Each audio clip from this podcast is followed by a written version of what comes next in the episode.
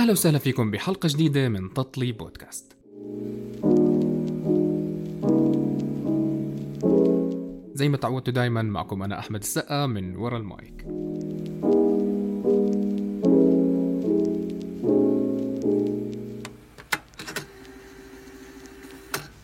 رح نحكي بشكل عام عن صعوبات الحياة ممكن في الأردن أو في الوطن العربي بشكل عام. ضيف حلقتنا لليوم الأستاذ حسام عايش وهو خبير اقتصادي وسياسي أهلا وسهلا بك أهلا وسهلا يا سيدي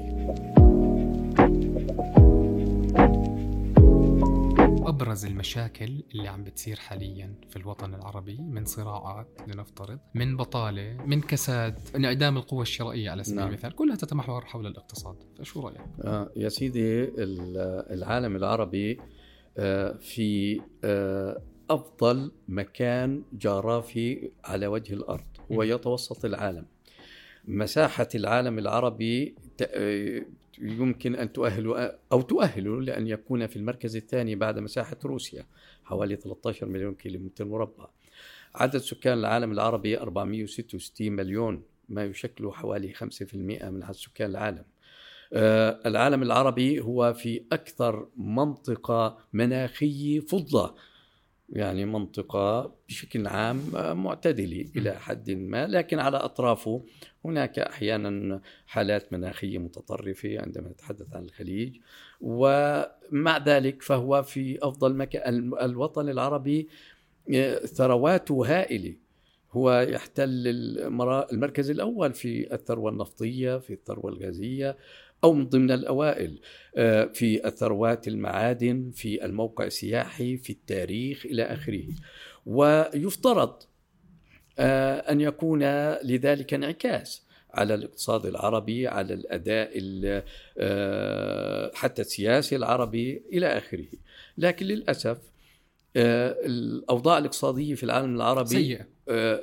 ليست فقط سيئة وإنما في معظمها إن لم يكن جميعها تقوم على آه، الفكرة الريعية.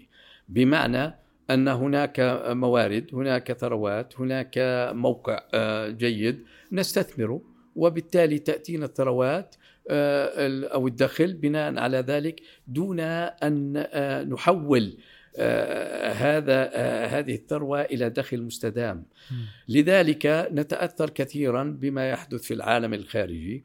وتؤثر على آه، إيراداتنا ومن ثم تؤثر على قراراتنا الاقتصادية. وفي معظم الحالات العالم أيضا له مصالح مختلفة وبالتالي آه، هناك من ينافسك هناك من يقدم ما هو أفضل منك. هناك أيضا آه، حاله عدم اليقين عدم التأكد حالات الحروب الجواء إلى آخره. وبالتالي هاي تؤثر في النتيجة النهائية على أوضاعك الاقتصادية. كل ذلك مربوط بأنه أنت لا تخطط بشكل دائم للمستقبل. أنت لا آه، تبني اقتصاديات إنتاجية وإنما استهلاكية. أنت لا تعتني كثيرا بالمواطن باعتباره هو رأس مالك الحقيقي في أي عملية اقتصادية. وفي النتيجة فإن آه، الاقتصاد العربي بشكل عام هو أنا أطلق عليه اقتصاد البامبو. آه، كيف الكرسي البامبو هذا بضل يتهز يتهزهز. هو أي ح- حركة أي تطور أي تغير يؤثر على هذا الاقتصاد. إذا كنغر بأستراليا انجرحت رجله بتأثر الاقتصاد عندنا. هذا هو أثر الكنغر علينا بالضبط. أثر الفراشي. على كل الأحوال ولذلك آه، نحن لا نملك مصدات لمواجهة الآثار الناجمة عن حركة الكنغر م. الفراشي في العالم. وحتى الفراشي يعني بتأثيراتها تكون مؤذية على آه، الاقتصاديات العربية. آه، يعني هو الحقيقة محمية هذه الاقتصاديات في معظم أو في بعضها من آه، الاعتماد على ال- النفط في بعض الحالات على الموقع الجغرافي أو على التاريخ في حالات أخرى حيث السياحه على بعض الأنشطة الزراعية أو على وقوعها على البحار حيث ثروه سمكيه لكن مع ذلك العالم العربي يفتقد ل آه، آه، الحركة الاقتصادية الخلاقة والإيجابية ولا يستثمر موقعه ناهيك عن أنه يعتبر مستوردا خالصا للسلع الأساسية اللي هي الغذائية. وبالتالي فكيف يمكن له أن يقدم ما يفيد المواطن وما يفيد الاقتصاد؟ هلا إحنا ما بنستثمر ولا ما بدهم إيانا نستثمر؟ وهذا سؤال يعني آه، لا أحد يمنعك من الاستثمار لكن لا أحد يسهل لك أمر الاستثمار. هذه هي قضية تخصك. صحيح. أنت آه، يعني عندما يكون أصحاب المصالح هم القادر القادرين على التأثير فأي استثمار يخدم أصحاب المصالح. وعندما يكون أصحاب المصالح هم السياسيين فأي قوانين يتم إنتاجها هي لخدمة أصحاب المصالح.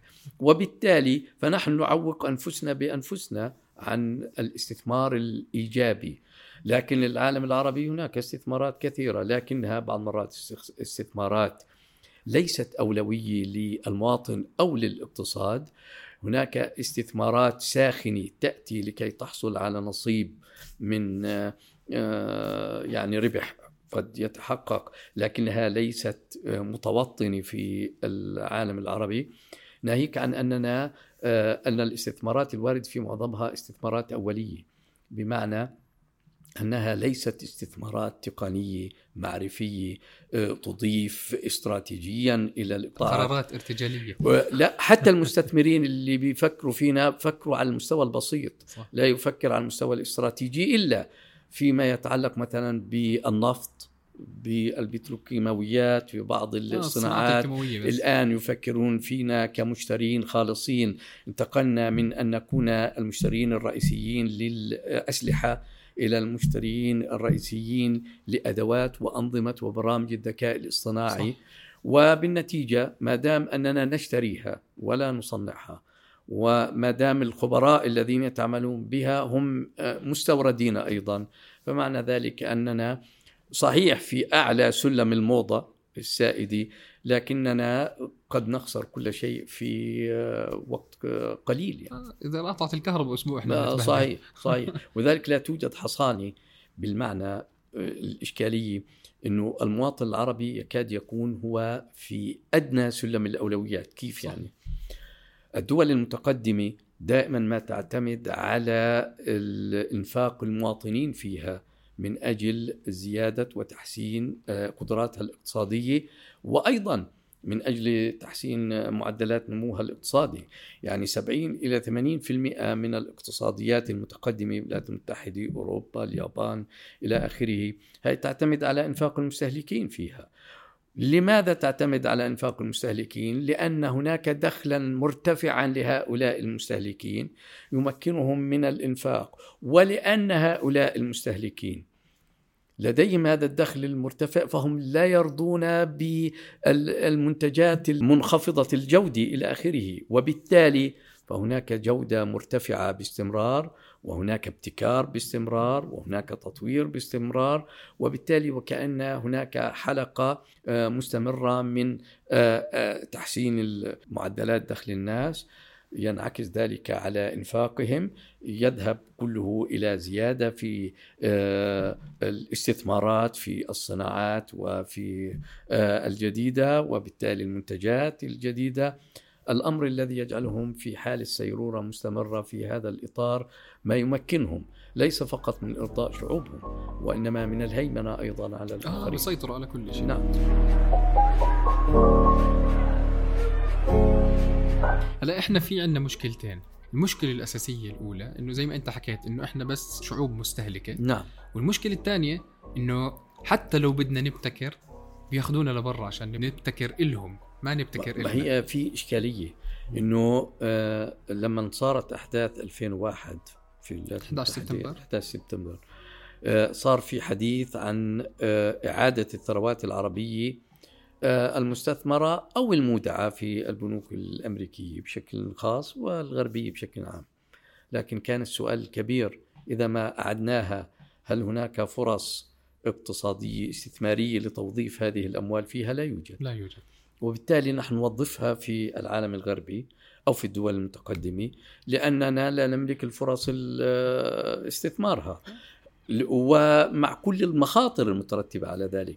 لذلك عائد يعني الغرب يأخذ النفط ويأخذ موارد النفط بصورة غير مباشرة وأيضا هذا النفط آه، تحول في فترة من الفترات إلى عبء كبير على الأمة العربية الحروب على خلفية النفط التدخلات الأجنبية بسبب النفط والنتيجة أننا اليوم يعني نعيش في أكثر من عالم عربي بسبب النفط. صح. عالم النفط العربي آه الذي يرى نفسه في مكان آخر وعالم العالم العربي غير النفطي الذي يجد نفسه مديونا ومستباحا إلى حد صح كبير. صح صح. والعالم العربي اللي هو على الهامش. إحنا في العالم العربي هناك حالتين يعني فريدتين.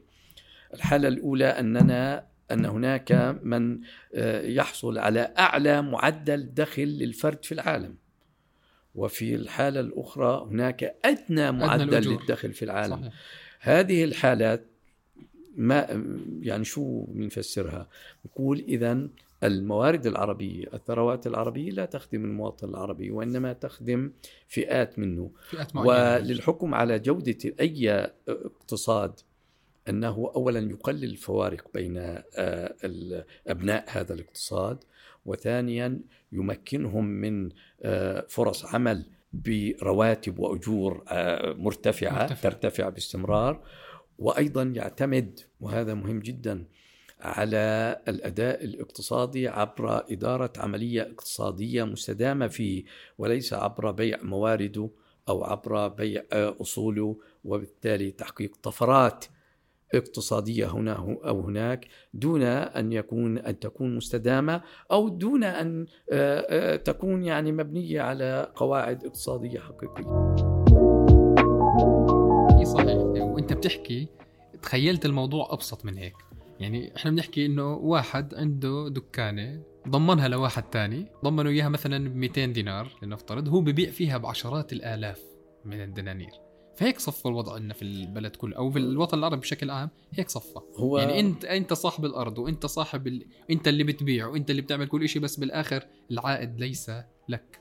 لسبب إنه العالم العربي في مشكلة هي مشكلة الأنظمة الدكتاتورية تركز على أداء اقتصادي سريع. لأن يعني هي تريد أن تري الناس إنه يعني هاي الدكتاتورية مش مسألة هذا من أجل الناس هاي كل العائد سريع. وكثيرا ما تقع أخطاء وفساد واحيانا فبركة للبيانات والمعلومات. زي الحالة الليبية. آه، الحالة الليبية ويمكن أن تعممها حتى عربيا. بينما في الحالة الديمقراطية أنا أنا ببني ضمن عملية متكاملة. أنا انتخبت وليس مطلوبا مني أن أنجز كل شيء في مرحلتي في صحيح. عهدي. هناك من يأتي لكي يكمل. ولذلك البناء البناء تراكمي والعائد يعني مستمر, مستمر. والنتيجة في مصلحة الجميع. هنا البناء ينقطع. يعني هذا الحاكم يشعر أنه آه، يريد يعني يبني آه، هذا المدماج يأتي حاكم آخر لكي يبدأ من من جديد.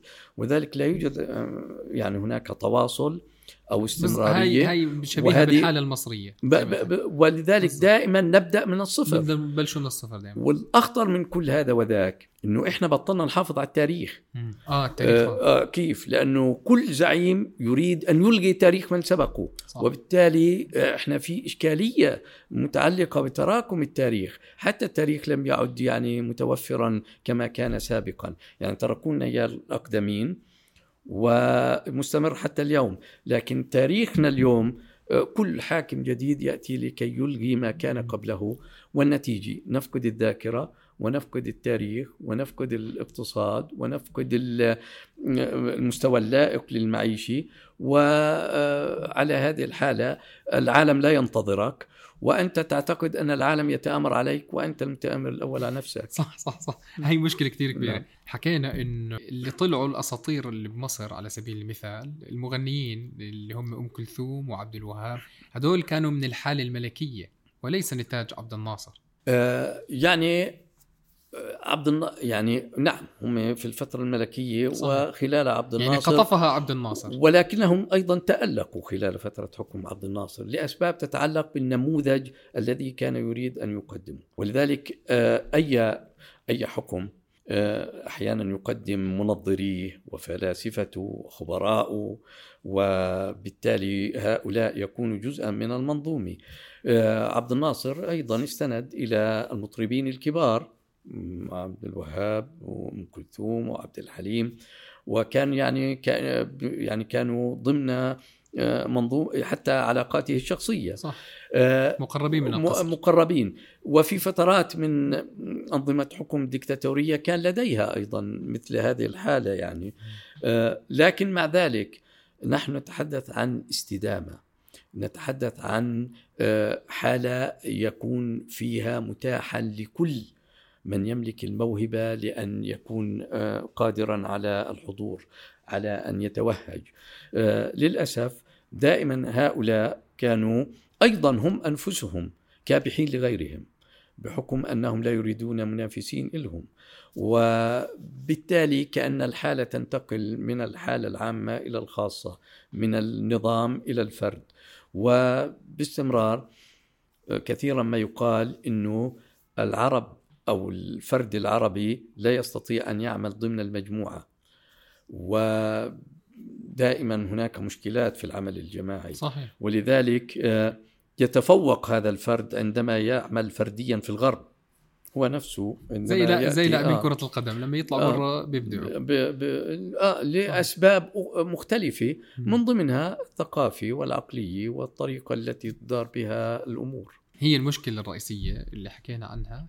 إنه سوء الإدارة. فعليا. صحيح. فعليا. لو في إدارة صحيحة يعني ما بصير هذا الحكي. نعم. آه، الولايات المتحدة تفوقت على الاتحاد السوفيتي وانهار الاتحاد السوفيتي لأسباب مختلفة. على رأسها هي الإدارة. الإدارة. لم يكن لا يتوفر الاتحاد السوفيتي على إدارة مرنة. هو والكتلة الشرقية. م. الولايات المتحدة كثيرا والغرب. وهذا هو حتى الآن قادر على تدوير الزوايا. على استنباط الأنظمة والقوانين والسياسات الجديدة للتعامل مع الحالات الجديدة والطارئة. وهضمها كجزء من المنظومة العامة. مشكلتنا إحنا حتى في الشرق الإدارة عائق أمام الإنتاجية الإدارة عائق أمام أصحاب المواهب الإدارة آه، البيروقراطية المعطلة للإنجازات وعلى آه، قاعدة سوف وتسويف.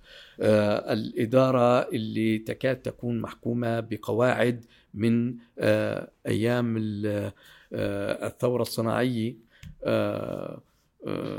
يعني في 1800 و 1900 ما زالت الطريقة التي تدار بها العملية الاقتصادية والسياسية بدائية للغاية. بالقياس إلى التطورات التي حدثت صح. صح بعدين هذا الحكي مش بس على, آه على مستوى آه. دول. ما هي ما هي آه. ولذلك هو ينعكس على مستوى الأفراد. صح. آه وبالنتيجة أن خلاصة كل ذلك آه هذه الحالة آه التي نعيشها.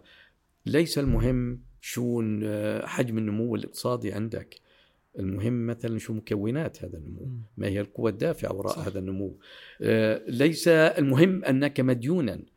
المهم أنك كيف تستثمر هذا الدين في عملية اقتصادية اجتماعية خلاقة ومختلفة. ليس مهما أن لديك عجزا في الموازنة. المهم أن هذا العجز آه، كان سببه تمويلا لمشاريع آه، جديدة صح. لنشاط جديد للأسف كل هذه الظواهر موجودة دون أن تكون الأسباب الدافعه إليها هي يعني المأخوذة بالاعتبار قبل فترة طلع فيديو كان يحكي عن نظرية مؤامرة. نعم. وبيحكي لك إنه لما ي... لما توصل مساعدات لبعض الدول في حسابات كثير عم تتحرك في الملاذات الآمنة على سبيل المثال بسويسرا في... فهل تعتقد إنه هذا كمان سبب آه الجهل؟ هذا كله سياسة تجهيل يعتبر, يعني يعتبر بالنهاية. هي مش هيك. هناك من يمول الفساد في العالم أيوه هو تمويل الفساد بالضبط. وهي دول غربيه هي مم. نفسها هي تدعي الديمقراطية وفيما يتعلق بأمورهم مم. لا بيعملوا هذه المعايير. لكن فيما يتعلق بالآخرين هو عملية شراء ذمم شراء. وذلك أنا ممول فسادك. أنا ب... بغض الطرف عن هذا الفساد. أعلم أن آه، المنح والمساعدات يعني بالكاد بالكاد يستفيد منها المعنيين. وأنا بذلك أشتري أشتري مش فقط الذمه وإنما أشتري الموقف السياسي.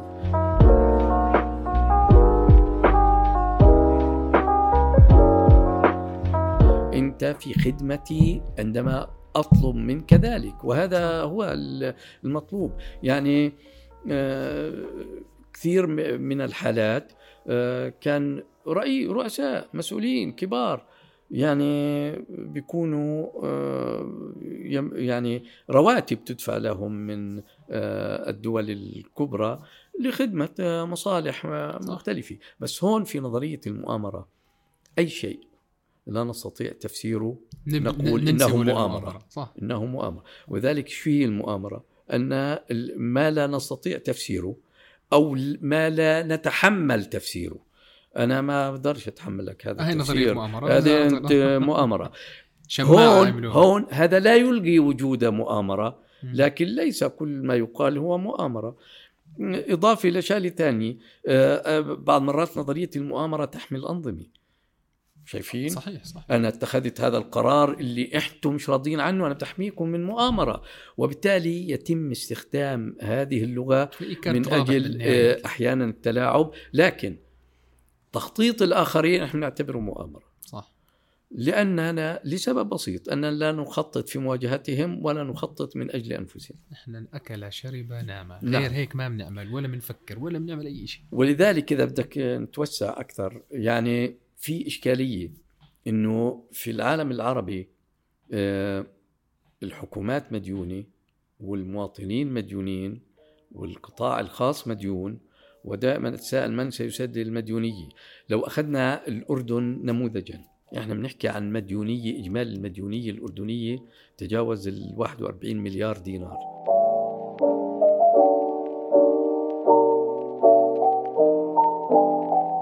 يعني لو بدنا نصدق بفرض ثبات هذا الرقم. الرقم. وبفرض أنه لا توجد فوائد عليه. الفوائد السنوية التي ندفعها المديونية في موازنة 2024 تقترب من 2 مليار دينار وهي أعلى مخصصات يمكن رصدها من قبل الحكومة.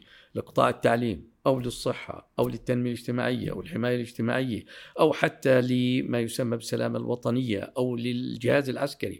أعلى مست... يعني أعلى أعلى من أعلى أعلى اقتطاع أعلى اقتطاع من الإيرادات يذهب كسداد فوائد. الفوائد. فوائد.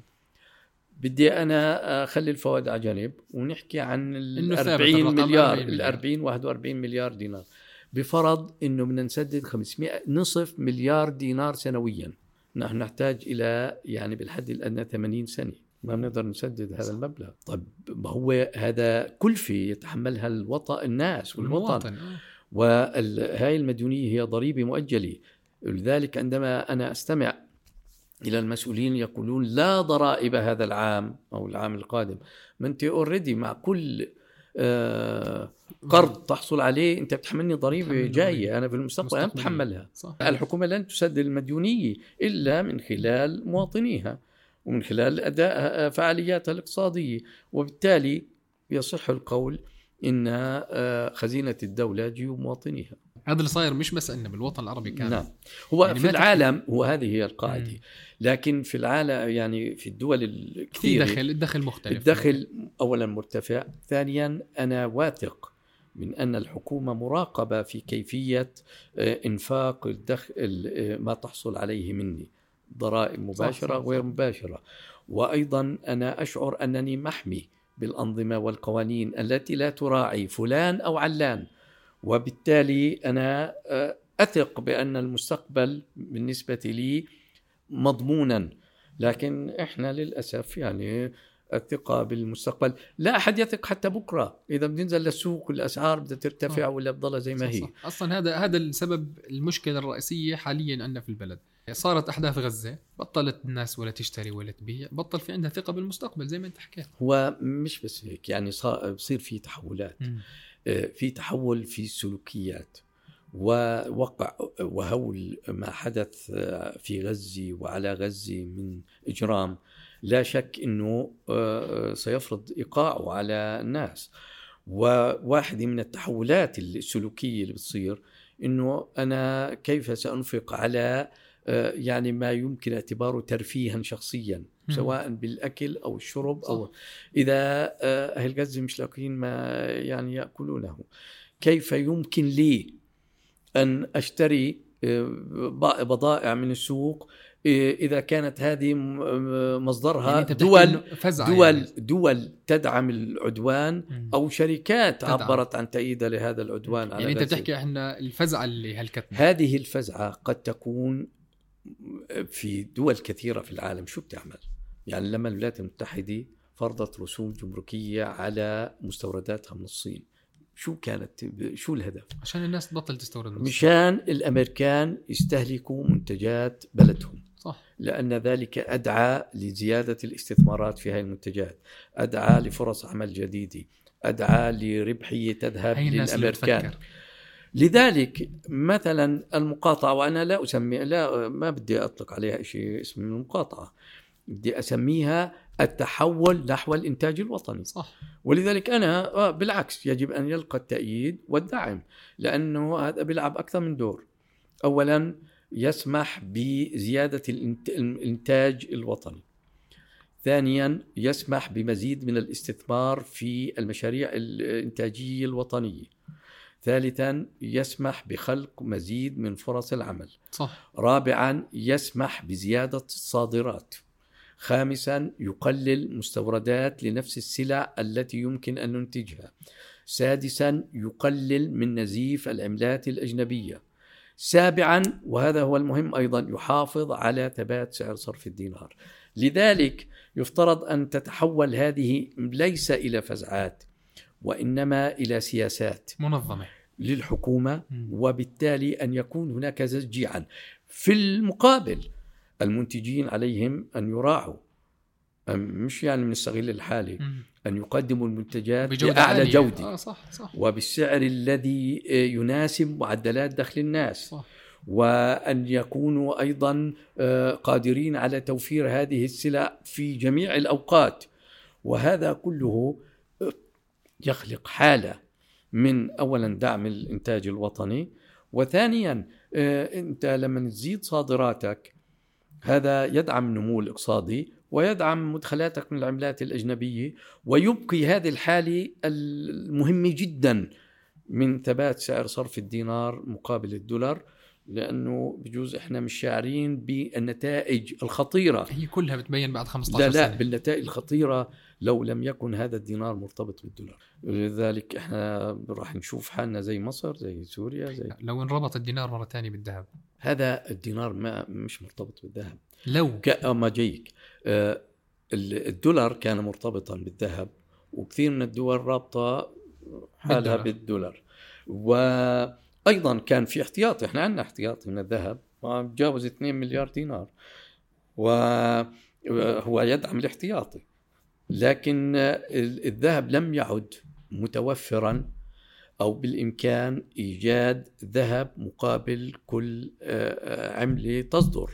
وبالتالي تخلى نيكسون في العام 1971 عن قاعدة الذهب وطبعا هناك أسباب كثيرة آه، من ضمنها أنه حرر الدولار من الارتباط بالذهب وبالتالي تم تسعير الدولار على. يعني معادلة ال- العرض والطلب آه، آه، لذلك إحنا بالنسبة لنا الآن آه، في 88 ل- لحد 89 88 88 89 حدث أزمة أزمة أيام زيد الرفاعي. آه نعم أيام زيد الرفاعي. يعني هو ترى متراكمة وصولا إلى زيد الرفاعي. اكتشفت أو اكتشف الأردن فجأة أنه لا يوجد احتياطي من العملات الأجنبية يكفي لدعم سعر صرف الدينار. فالدينار الذي كان يساوي ثلاثة دولار أصبح الدولار تقريبا يساوي دينار. وهذه حال يعني مرينا فيها. عايشناها. الدينار قبل في هذه المرحلة اللي هو قبل أن ينهار يعني بفترة وجيزة كان مرتبط بشيء اسمه سلة عملات. يعني مجموعة من العملات الد- الدولار والجنيه الاسترليني وإلى آخره. فكان قوي. فكان آه، كان قويا لكنه كان مسعر بأعلى من قيمته. أعلى من قيمته. وبالتالي أنت تستنزف الاحتياطي لديك. صح. وانت يعني في لأسباب ربما سياسية بعضها. لما إحنا آه، صار هذا الانهيار في ال 95 تم تثبيت سعر صرف الدينار مقابل الدولار بسعر ثابت اللي هو مستمر حتى الآن. آه، في الحقيقة هذه الآن نشهد نعمة هذا التثبيت. ولو لم يكن هذا آه، قائما لكانت الأمور أسوأ. سيئة جدا. زي الليره السورية صارت. لكن مع ذلك يعني المسألة ليست أبدية لأنه يفترض إنك أنت تخرج من عباءة التثبيت إلى أن تكون لا آه تعويم أو آه السعر بهامش حركي ممكن يتحرك أو أن تعود إلى سلة عملات وهذا يعتمد على قدراتك الاقتصادية.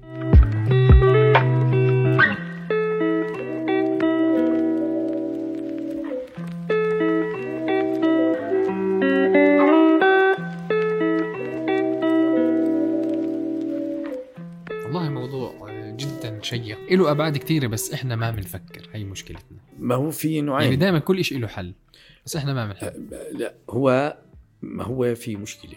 يعني في حل المواطنين بده يدفعوا ثمنه وفي حل اصحاب المصالح بدهم يدفعوا ثمنه. ليش ما نلاقي حل يرضي الطرفين؟ ما جايك. في الدول اللي مثل حالة الدول العربية بصراحة أصحاب المصالح هم القادرين على فرض آه، إرادتهم. في الدول الديمقراطية اللي بترجع للمواطن من أجل آه، أنه فلان يك...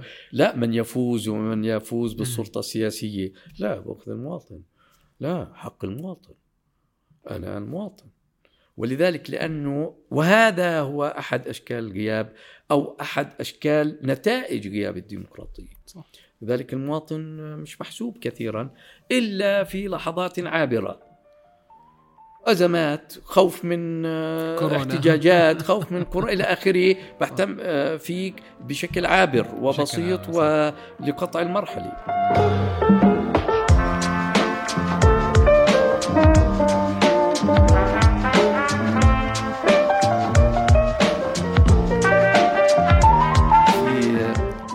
دراسي أو عملت في أمريكا عن الأمان المالي. معدل دخل الأمريكي حوالي 57 ألف. فبقول حتى يشعر بالأمان المالي لازم هو بيسألوا ناس شو؟ إنه لازم يكون دخله 233 ألف دولار.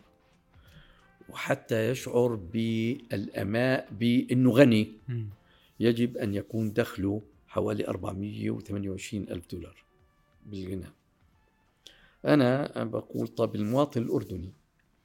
معدل دخلنا أقل من 3000 يعني 2800 2900 بدنا نفترض أنه 3000 فمعناته حتى يشعر بالأمان المالي بنضرب بأربعة لأنه لما مشان الدخل معدل الدخل 233 معنى ذلك لازم يكون مشان يشعر بالأمان. 12000 دينار راتبه. آه معدل دخله السنوي. من الناتج المحلي طبعا. وحتى يشعر إنه غني لازم معدل دخله السنوي ما يقلش عن 25 ألف دينار. بينما إحنا معدل دخلنا نظريا حوالي 2900 آه، دينار يعني أقل من 3000 2000 وهو بالمناسبة أقل من سنوات سابقة. وعمليا 70 ل 80% من المواطنين لا يحصلون على هذا المعدل. صح. هذا أمر في غاية الأهمية والخطورة. صح. ولذلك الثروة تتمحور إلى الأعلى ولذا أصحاب المصالح. نرى أداء اقتصاديا ونرى نموا اقتصاديا لكن قطاعات اقتصادية نخبوية هي اللي بتشارك فيه. بينما القطاعات الاقتصادية الشعبية يعني نراها يعني قليلة الحضور. آه.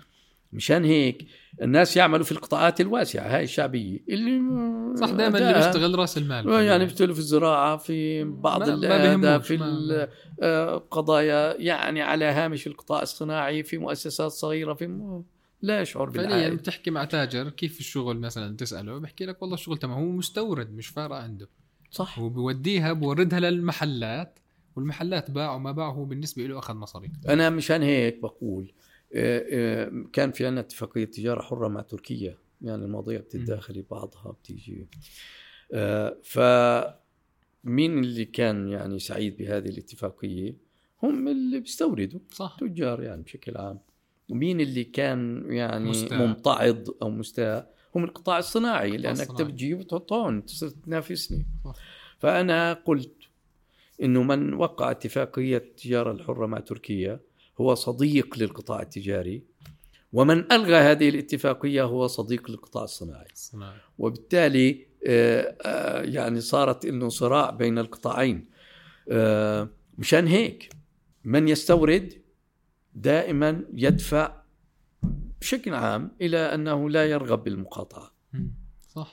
لأنه أنت بتقاطع أشياء أنا بستوردها من. دول أخرى أنت بتقول دول شاركت في العدوان صح صح وبالتالي أنا بتوقف نشاطي 100% ومن يدعم المقاطعة بين هلالين يعني هم المنتجون المحليون لأنه هم يوفروا لك. البديل أعطاك بديل ولذلك يسوق آه ولذلك آه هذه درس مهم إنه إحنا ننتبه إلى مصادر كمان مستورداتنا مم. وكيف نتعامل معها وأن نأخذ بعين الاعتبار ردود فعل الناس لم يجبرهم أحد ولا أحد يستطيع منعهم من أن يتخذوا قراراتهم الاستهلاكية بشراء أو عدم شراء المنتجات لكن أنت كتاجر كمسوق مستورد. كمستورد عليك أن تأخذ في حالة معينة يمكن للناس أن يتوقفوا عن شراء بس. في أشياء ما إلها بدائل أوكي إحنا نتدرج وما حدا طالب من حدا إنه لأنه بعض مرات مشان يحاجج. من يتخذ هذا القرار. يا أخي أنت مقاطع السياره أنت مقاطع التليفون لا أنا مش مقاطع. ما في بدائل. ما يمكنني أن أقوم به سأفعله. سأفعل. وما لا يمكنني هذه قضية أخرى. بل بالعكس دافع لأن أفكر بإنتاج السيارة والتليفون. صح. إذا كان بالإمكان ذلك. وبالعكس في هذه الحالة سنكون دولة عظمى. صح. ما إحنا إحنا بنصير آه، آه، إذا بنوصل لهالمرحله ما دولة صناعية لكن هو الهدف بالأخير أن يعبر مجموع الناس دون أن نقول إنه الآخرين يعني آه، اللي ما بيعملوا مقاطعة إلى آخره يعني خارج السياق. لكن مجموع الناس إنه لنا موقف مما يحدث. هذه رسالة سياسية بالإقتصاد نوصلها لمن يعنيه الأمر.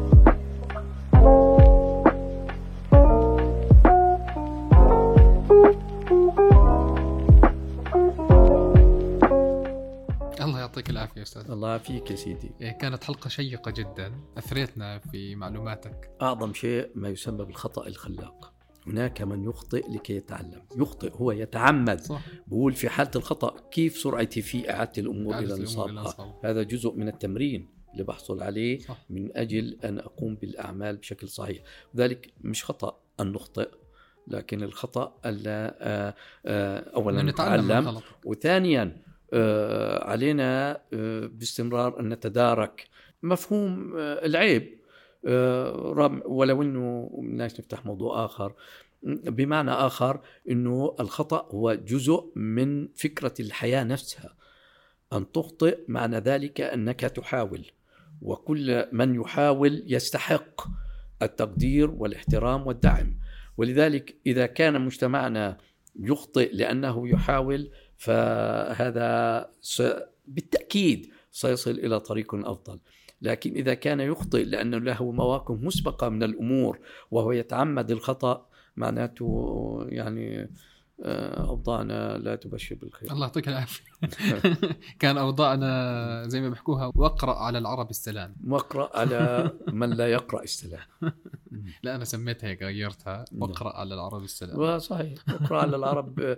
يعني إحنا آه، في الأخير صحيح إنه الواحد لا تعجبه الحاله العربيه الراهنه لكن آه، مع ذلك يعني لو تشوف الجانب الآخر آه، كثير من الشباب اللي راغب بأن يعمل لكنه آه، ما لا. تتوفر له الوسيلة هناك الكثير من المبدعين المفكرين المبتكرين الخلاقين وهذا يحتاج اذا إلى بيئة ناظمة مختلفة إلى نظام سياسي اقتصادي اجتماعي يعمل بتناسق ولذلك لو شفنا حالة إيجابية في بعض الحالات آه، الحقيقة أحيانا الواحد يحزن عليها لأنه مداها يكاد يكون قصير أو أن آه، من يرى فيها بذرة للتغيير آه، يوئدها في مكانها. لذلك نحن نحتاج إلى عقليات جديدة منطق جديد أدوات جديدة لكي آه، نخرج من السياق التقليدي نخرج من عمق الزجاجة في أمورنا إلى سياقات. مختلفة. نتعلم فيها من الأخطاء. المفروض نتعلم من الأخطاء. فقرأ عليه السلام. اقرأ عليه السلام. شكرا كثير لك أستاذ سام إحنا غلبناك اليوم. لا بالعكس. كانت حلقة جميلة جدا. وإن شاء الله بنشوفك بحلقات ثانية إن شاء الله نحكي فيها عن مواضيع أكبر من هيك. شكرا كثير لك هلا هلا. الله يديم عليك. وسهلا. هاي كانت الحلقة 43 من تطلي بودكاست. كنت معكم أنا أحمد السقا من وراء المايك. استنوني كل يوم أربعاء على جميع المنصات الصوتية.